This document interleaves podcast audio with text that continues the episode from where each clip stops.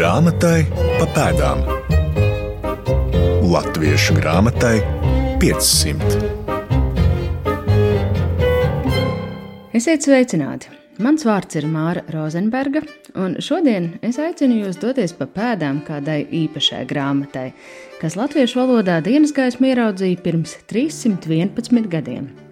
Un tā ir pirmā grāmata, kas domāta tieši latviešu sievietēm. Tās nosaukums - Garīga pērļu rota. Autors ir vācu dzinieks un izdevējs Johans Kundīzijs, bet latviskojas smiltenes mācītājs un 13 bērnu tēvs Baltvācietis Svante Gustavs Dīts.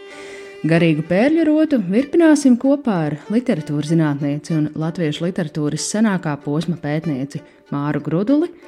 Sievietēm pievērsto uzmanību apgaismības literatūrā palīdzēs ieraudzīt literatūras zinātnieks Pauls Dāja, bet sieviešu loma radošajos procesos 18. gadsimtā Latvijas teritorijā ieskicēs diriģents un senās mūzikas pētnieks Māris Kupčs. Grāmatai pa pēdām. Johana Kundīzija garīga pērļu rota vācu valodā iznāk 1667. gadā, un, kā zina teikt literatūras zinātniece Māra Grudula, ir populārs un tipisks 17. gadsimta celsmes literatūras paraugs. Kas ir celsmes literatūra, par to pēc maz brīža, bet jau pats grāmatas nosaukums liecina, ka mērķa auditorija ir tieši sievietes. Sarunājamies ar Māru Gruduli. Virsraksts arī pasvītro, ka tā ir garīga pēļu rota. Krellas, jā, bet uh, pirmkārt tā graznuma lieta, kas sievieti grazno, ir viņas tikums, goda prāts, čaklums un tā tālāk, un tās ir arī tās vērtības idejas, ko grāmatas autors ir gribējis grāmatas tekstā ietvert. Teksti aicina uz šo garīgo pilnveidi, un tad sievietei garīga pēļrota, kā viņas pilnveidas rādītājs. Kāds ir tas vēsturiskais eh, konteksts, kad top grāmatas oriģināls? Tas ir 17. gadsimta vidus, kad kundīzijas to kompilē un raksta. Jā, grāmata ir tulkot no vācu valodas. Autors ir vai sastādītājs vai redaktors ir Johans Kundīzijas, ir salicis kopā tekstus no dažādiem avotiem, kas bija to laik ļoti raksturīgi šāda veida izdevumam. Un šī ir viena no tajā laikā ļoti populārā žanra, tā saucamās celsmes literatūras grāmatām, kas gan ir adresēta galvenokārt sievietēm. Tas nozīmē, ka tā ietver lūkšanas, dziesmas, arī praktiskus padomus sievietes dzīves gaitas papildināšanai ar dažādām garīgām pārdomām. Jo celsmes literatūra tas nozīmē, tā ir individuāliem garīgām refleksijām mājās, vienatnē vai draudziņu lokā, bet tā ir grāmata, kur ir domāta lasīšanai, pārdomāšanai, dziedāšanai. Tad, kad dzīvē ir kādas problēmas, varbūt arī nav gaidāmas priekšā kādas grūtības vai izšķiršanās, kāzas, bērniņa dzimšana. Varbūt arī kāda nesaskaņa ģimenē, kur ir vajadzīgs garīgs mierinājums, slimība, līdz beidzot arī, protams, nāves uh, tuvums. Grāmata palīdz iziet visu sievietes mūža ceļu. Tātad mūsdienu valodā runājot, tāds kā garīgās izaugsmes, padomu un pašpalīdzības literatūras žanrs, kas popularitāti nav zaudējis arī šodien. Interesanti, ka 17. gadsimtā šāda celsmes literatūra veido apmēram pusi no visiem teoloģiski satura rakstiem un aptuveni ceturto daļu no grāmatu kopējā tirgus. Turpinām sarunu ar Māru Gruduli. Tam līdzīgas grāmatas bija dažādiem sabiedrības slāņiem ļoti populāras lasīšanai, jo mums ir jāņem vērā arī laiks, medicīnas attīstības līmenis 17. un 18. gadsimta mijā kari, dažādas epidēmijas, pārdzīvojumi ik uz soļa. Es saprotu, ka kundīzijas vispār kopumā darbojās šajā, ja mēs varam tā to mūsdienīgā valodā saukt par garīgās izaugsmas literatūras žanru. Kāpēc tieši šī garīgā pērļu rota kļūst par viņa populārāko grāmatu, kas piedzīvo 15 izdevumus vācu valodā? Droši vien, ka tas uh, salikums, tekstu salikums, kurus viņš izvēlējās, bija ļoti populārs un tīkams. Un tur arī jauki mainās, kā jau es minēju, lūkšanas ar dziesmu tekstiem, var ritmizēti paskaidīt vai padziedāt un uh, atrast droši vien tos vārdus, kas uh, konkrētajā brīdī izrādās vispalīdzīgākie. Grūti pateikt, kāpēc tieši tas. Nu, grāmata ir arī tam laikam tomēr nosacīta, bet diezgan bagātīgi ilustrēta. Pirms katras nodaļas, ja vācu oriģinālā ir arī tā saucamais emblemātiskais zīmējums, tur ir sievietes tēls centrā, arī dažādos viņas dzīves brīžos. Un tad šo zīmējumu vērojot, arī vēl papildus iedvesmu var gūt vai papildus mierinājumu var gūt, domājot par sevi. Vispār cik izplatīta ir literatūra sievietēm specifiski tajā laikā? Arī domājot par vācu valodu, vai tas ir arī tāds izņēmums un, un īpašs kaut kas vācu valodas? Ne, es negribētu teikt gan, jo 17. gadsimtu raksturo pārvirzi, mēs varam teikt, baznīcā uz šo te individuālo dievbību un tam līdzīgas grāmatas dažādiem sabiedrības slāņiem tēmētas mērķtiecīgi vai dažādām uh, profesijām, palēnām, palēnām, teiksim, zvejniekiem vai zemniekiem īpaši kādas adresētas grāmatiņas ir ļoti populāras, pēc iespējas mērķtiecīgi piemeklējot uztvērēju auditoriju un līdz ar to arī cerot uz pircējiem. Atklājam tekstus! Sievietēm domātā celsmas literatūra 17. un 18. gadsimtā mērķiecīgi uzsver patriarchālo ģimenes modeli, vedinot meitenes saglabāt likumību līdz kāzām, pēc tam būt labām sievām un mātēm, pakļauties vīra varai un ievērot kristīgu dzīvesveidu mūža garumā. Lūk, neliels fragments no Johana Kundīzija grāmatas Garīga pēļu rota mācītāja Svantes Gustava Dīca 1711. gada latviskojumā. Tas būs no 4. nodaļas, jeb pēļu virknes, kas veltīta precībām, laulības dzīvei, bērna radīšanai no ieņemšanas brīža līdz dzemdībām un zīdīšanai, kā arī atraitnībai. Šajā nodaļā padomu ir visvairāk. Kā tas vīrs ir dzīves tēvs, tā ir viņa dzīves māte un saimniece. Taisnais dievs to māti visiem dzirdot, līdzīgā godā ar tēvu licis. Lai mācās klusa palikt, ne visu dzirdēt, ne visu redzēt, un lai neatrējās savam vīram, lai ne ir vēlīga un asiekšu vārdiem, ne patgalvīga, cietprātīga, lepna un sirdīga pret savu vīru lai nešņāts vīram pretī, it kā būtu viņa kundze un virsniece, gribēdama viņu munsturēt un visu pēc sava prāta darīt. Ir tavs vīrs dažkārt pabargs un ciesnēs pret tevi, tad dari tam mīkstu prātu ar pazemošanu un mīlību iekš vārdiem, ierašām un darbiem, caur ko viena prātīga, lēnīga sieva dažkārt pabārga vīra sirdi uzvar un viņu un tik daudz padara, ka viņam atkal pretšās jāturas, kā tā pati grib, un ka tā no viņa var dabūt, ko tā grib vien. Tai būs pietikt ar mērenas uzturas, barības, drēbēm un citas dzīves vajadzības. Vīru nepostīt, nedz viņam vairāk noplēst, nekā viņš spēja mādīt. Tā skan 18. gadsimta sākuma latviešu rakstu valoda Baltvācu mācītāja Svantes Gustava Dīts atveidojumā. Tādi vārdi kā munsturēt, ko šodien zinām kā nopētīt, ciesnējs, ko pazīstam kā skops, vai mādīt, kas nozīmē apgādāt vai piegādāt, tobrīd ir ikdienā lietoti un visiem saprotami vārdi. Kaut arī 1711. gadā, kad latviešu iznāk garīga pērļu rota, ir pagājuši jau gandrīz 200 gadu kopš pirmās latviešu izdotās grāmatas.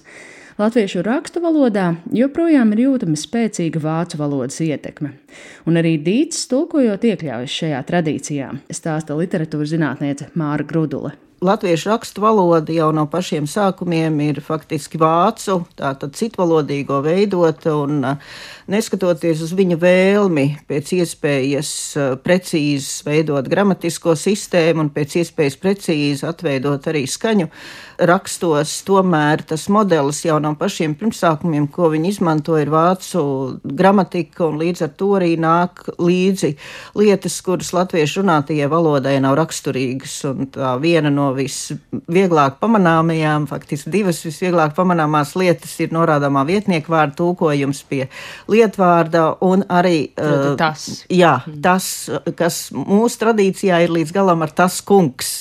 Mēs asociējam ar Dievu, kas uh, varētu būt arī norādāmā vietnieka vārda tulkojums. Un otrs ir, protams, arī teikuma veidā, tātad vācu valodai raksturīgajā gramatiskajā sistēmā, ja ir saliktais laiks, ir darbības vārds novirzīts teikuma beigām. Un tas uh, rada tādu smagnēju stilu, kas uh, latviešu runātajai valodai nav raksturīgs. Nu, lūk, bet Dīts iekļaujas šajā tradīcijā, un uh, kaut arī tas viss tur ir, mēs varam varbūt uzmanīgi runāt arī par tā saucamo latviešu rakstu valodu, kā vācu un latviešu hibrīdu valodu. Tajā pašā laikā viņš niansēs ļoti labi zina latviešu valodu, un es gribētu teikt, ka viņa dziesmās viņš ir kopumā tulkojis ap 200 garīgas dziesmas, ne tikai kvantitātes, bet arī kvalitātes dēļ. Viņš ir ļoti tuvs uh, kurzemes lieliskajam dziesminiekam Kristofam Pīrekeram. Viņam ir ļoti tēlaina sinonīmiem bagāta valoda, varbūt ne tik brīvs, viņš ir latviešu tulkojumā kā Fīrekers, bet valoda ir skaista. Pie tām rēķinoties ar zemnieku mērķa auditoriju, arī tā ir eh, tāda, ka zemniekam būtu tuva un saprotama. Ir, piemēram, runa par pastarot iesu, tevi ģērbīs lielie vaidi no sūdiem, svārki kļūs, gan elles zaņķis derēs pēc tavas istabas, negodīgs sūdu plāķis, tas vien būs šīs postažās, iekšā ausīm skanēs briesmas, ar kurām mauku dziesmas tu dažkārt klausies.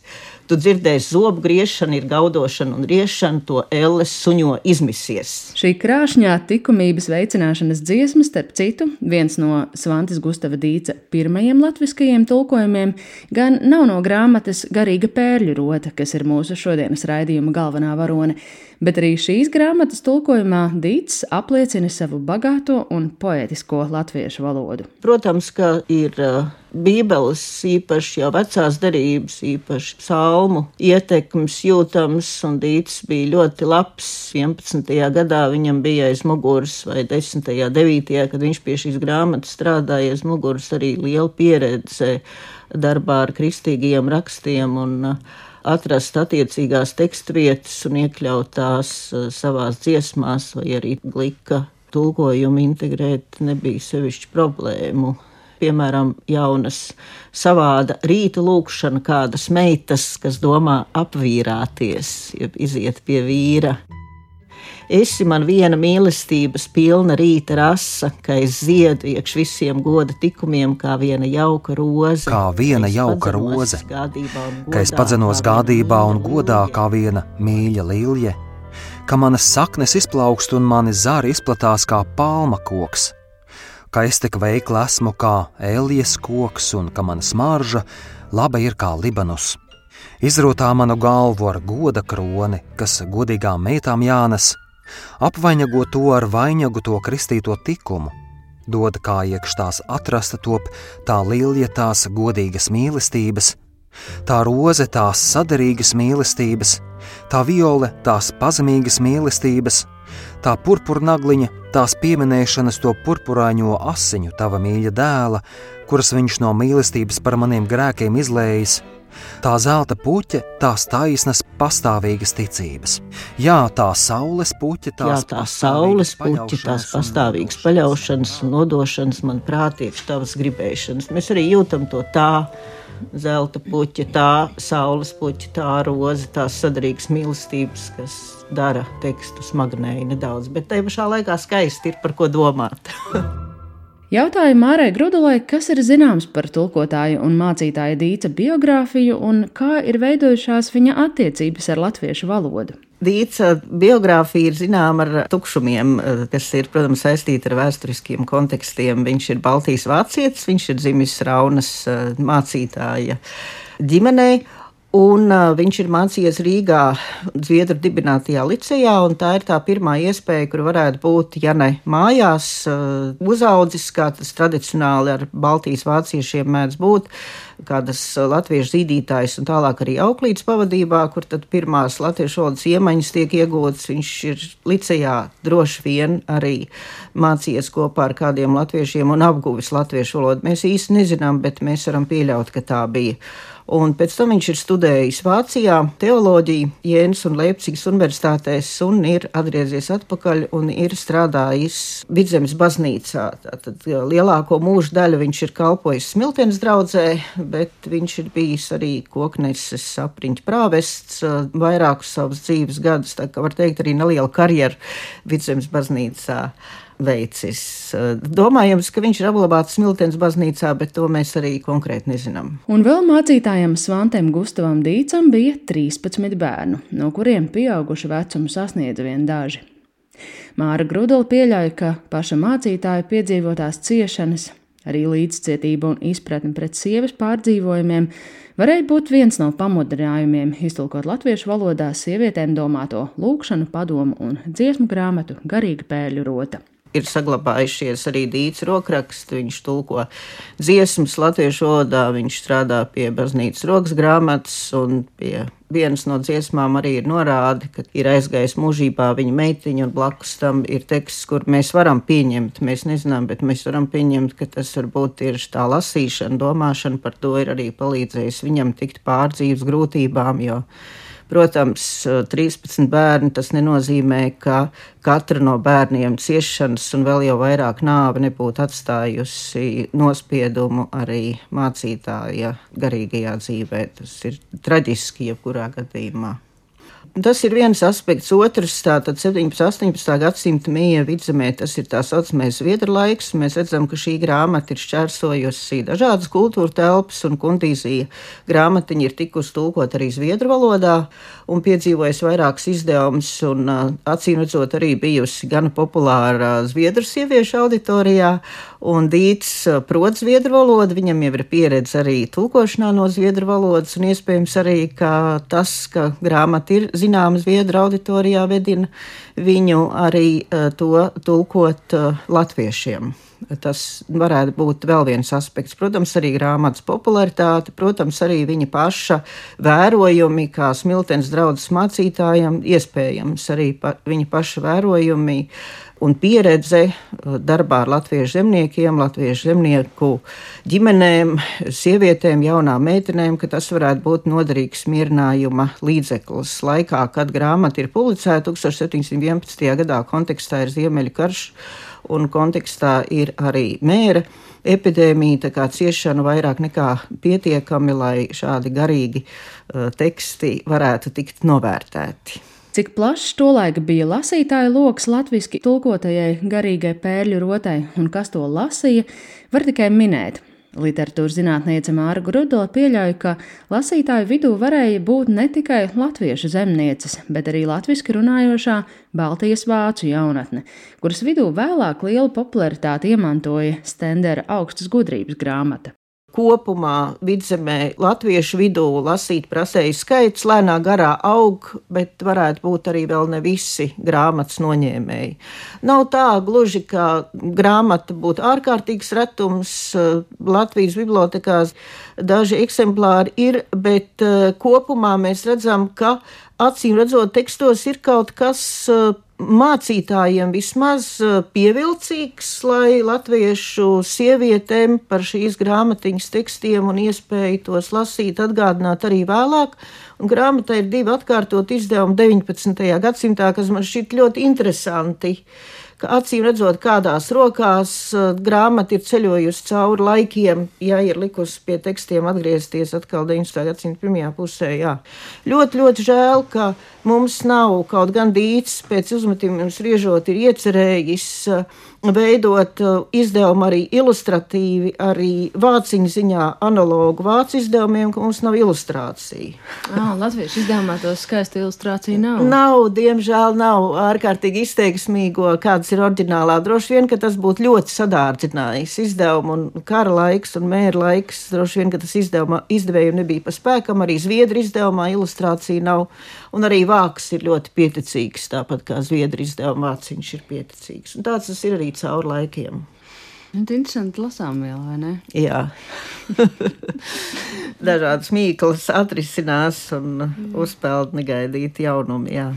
Bet eh, lasot to, kā tieši sievietēm domāt literatūru, kas jums pašai nu, ir personīgi likās visinteresantāk? Man likās interesanti tas, kā viņš, kā jau šajā kundīzija oriģinālā ir kombinēta kopā gan praktiskie padomi, psiholoģiskie padomi ikdienas situācijām, gan lūkšanas, gan dziesmas. Tā ir pirmā grāmata, kur mijas garīgie teksti ar manis jau citētajiem uh, padomiem dažādos dzīves brīžos. Mēs redzam, ka lielās līnijās cilvēku attiecībās cauri laikiem jau nekas nemainās. Un uzmanīgi lasot, daudz ko var paņemt joprojām arī sev no tā, kas tur ir.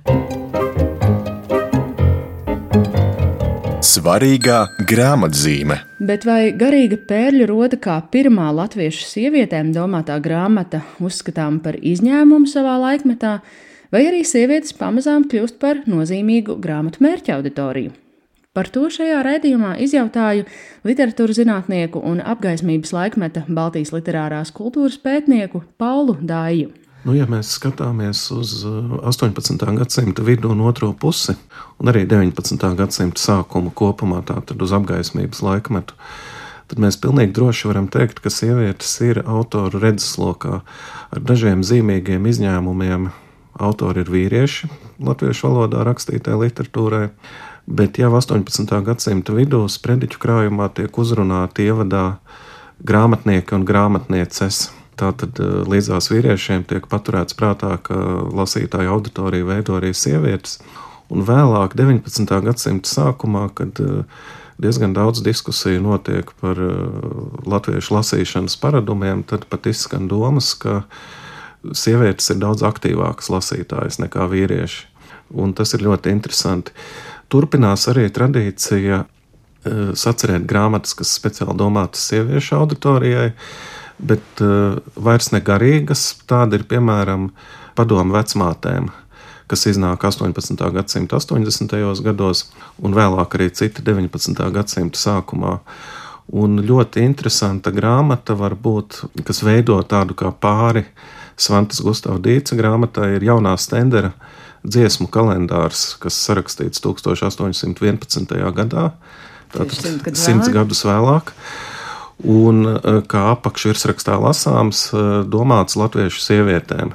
Tajā ir kalendārie daļa, un līdzās tam ir lasāmas dažādas dziesmas, pamatā vācu rokoko un anakreontikas tulkojumi, mīlas lirika, bet arī tādas uz, uzdzīves un izklaides dziesmas. Apgaismības laika literatūra arī turpmākajās desmitgadēs lielā mērā turpina Johana Kundīzija garīgas pēļu rotas patriarchālo garu, akcentējot sievietes lomu sabiedrībā, lielākoties kā labai sievai un mātei. Bet apgaismības prozā mēs varam redzēt, ka šad un tad autoru vīriešu redzeslokā nonāk arī sievietes beztiesības problēma patriarchālā sabiedrībā, tas, ka neprecētai sievietei ļoti grūti izdzīvot un arī iegūt izglītību. Nu, līdzās tam ļoti interesanti, ka parādās arī pirmie sieviešu autoru rakstītie teksti.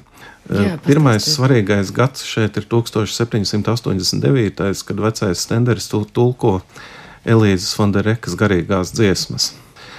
Un otrs ir 1809. gads, kad iznāk Vidzemes jaunā racionālistu dziesmu grāmata, kurā ir ievietotas trīs uh, latviešu zemnieces, raunēnietes un hernhotietes Bormaņa Annas garīgās dziesmas. Un viena no tām saucas Mātes dziesma, un tajā ir mm, izklāstīts mātes liktenis, galveno uzmanību fokusējot uz ciešanām un grūtībām, nu, tāda dziesma, ko neviens autors vīrietis nebūtu varējis sarakstīt droši vien. Vai tas ir neparasti, ka šāda burbuļsāņa tiek grāmatā? E, tas ir ļoti neparasts notikums. Grāmatā ir arī publicēti Indriča Hartmaņa, jeb neredzīgā Indriča, arī viņas atcerētas garīgas dziesmas, un ir saglabājušās liecības ka latviešu zemnieki uzskatīja, ka latviešu zemnieku atcerētas dziesmas nevar būt garīgas dziesmas, ka tās var būt tikai ziņas.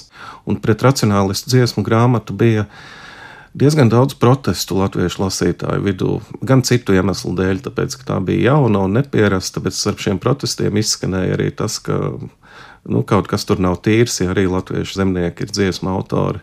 Turklāt sieviete. Un turklāt sieviete tieši tā. Hernhūtiete Bormaņu Anna, kā latviešu autori, arī 19. gadsimta sākumā ir retums, bet Paula Dājas iepriekš pieminētā kurzemes baltvācu dzēniece Elīze Fonderreke nāk no augstākās sabiedrības, kur sievietēm arī 18. gadsimtā ir lielāka ietekme radošajos procesos. Un te raidījuma noslēgumā vārds senās mūzikas pētniekam Mārim Kupčam. Man jau ļoti patīk tas uh, kurzemes fenomens, kas ir nu, tāds dišciltīgās kārtas izglītoto sieviešu nu, ietekme uz, uz, uz procesiem un kaut kā tā tradīcija, ka kurzemē tās sievietes ir patiešām ārkārtīgi redzamas. Sākot no Hercoga Jēkabas sievas, Lūijas Šarlots, un beidzot ar, ar to paudzi, kas ir uh, Elīze uh, un Rekes, jau, jau arī, nu, pat, pat arī kurzemes Hercoga un Doroteja ir ārkārtīgi izglītota. Un vispār, nu, viņa, viņa jau nav vienīgās. Viņas tur nodarbojās ar muziku, un ar, ar, ar literatūru un, un ar līdzesošiem procesiem. Tas noteikti kaut kādu nu, iespēju arī ietekmē zemākās kārtas. Tiksim, Tā nav tikai izglītotība, tā jau ir tāda, nu, nu tomēr kaut kādas tādas dailes, alkas, un, un tās vienmēr ir kurzemē bijušas. Vispār liekas, ka tās kurzemes muzikālās tradīcijas ir tādas, nu, sievišķīgākas mm. tajā ziņā. Man, man tā vismaz tā, tā liekas. Vai tās sievietes, kuras zemē spēlē lielāku lomu, kas to zina. Bet te vēl ir daudz, kas pētāms, manuprāt. Kā ir sievietēm komponistēm tajā laikā, 18. gadsimta sākums arī uh, Latvijas teritorijā kopumā? Kas ir zināms? Mm, faktiski nekas. Ir zināms par ļoti daudzām komponistēm Eiropā, un neapšaubām šis trends varēja attiekties arī uz Rīgu vai uz kurzemi, bet šeit neapšaubām tās tradīcijas muzikāli bija mazākas. Par profesionālu muziķi, kā sievieti, man ir nāk atmiņā tikai tas, ka Mēderam bija kāda. Tas ir tātad, nu, Rīgas komponists 18. gadsimta sākums, līdz, līdz Krievijas iebrukumam Rīgā. Viņam bija kāda brīnuma bērna statusā esoša skolniece, kas, diemžēl, ļoti agri nomira. Mm, nekādu lielu lomu tas nav spēlējis. Mēs nekur neredzam šo te lielo ietekmi, kas varētu būt kaut kādu salonu veidīga, jeb kaut kādas tādas sievietes, kas, kas ir neatkarīgas muziķis, tā kā mēs to redzam Itālijā. Vai, jā, vai Barbara Strocija, vai, vai profesionāls dziedātājs. Ja vienkārši šeit nav neviena, kas tādus varētu, acīm redzot, profesionāls apmaksāt. Vienīgais, ko mēs tad, tad zinām, ir atkal kurziem, kur atbrauc Johans Adams Hillers ar savām divām skolniecēm. Tekla un Marija Podlaiska šausmīgi, šausmīgi slavētas un, un, un tā laika vācu, tiksim, ziemeļvācu aprindās, nu, ārkārtīgi populārs dziedātājs. Nu, nekad jau nevar teikt, ka 18. gadsimtā vai 17. nebija. Mēs pagaidām vēl nezinām. Es jau mm. pieņemu, ka kaut ko mēs varētu atrast. Jo šis vēl ir lielais tas laiks, kad nāk visādi jauni atklājumi.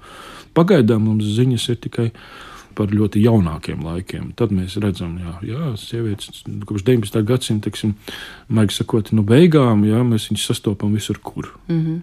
Bet līdz tam nu, ļoti reti. Tālūk, dodoties pa pēdām pirmajai latviešu sievietēm, domātajai grāmatai Johana Kundīzija garīgas pērļu rotas latviskajam tulkojumam, esam nonākuši līdz stāstam par sieviešu lomu radošajos procesos apgaismības laikmetā mūsdienu Latvijas teritorijā kopumā.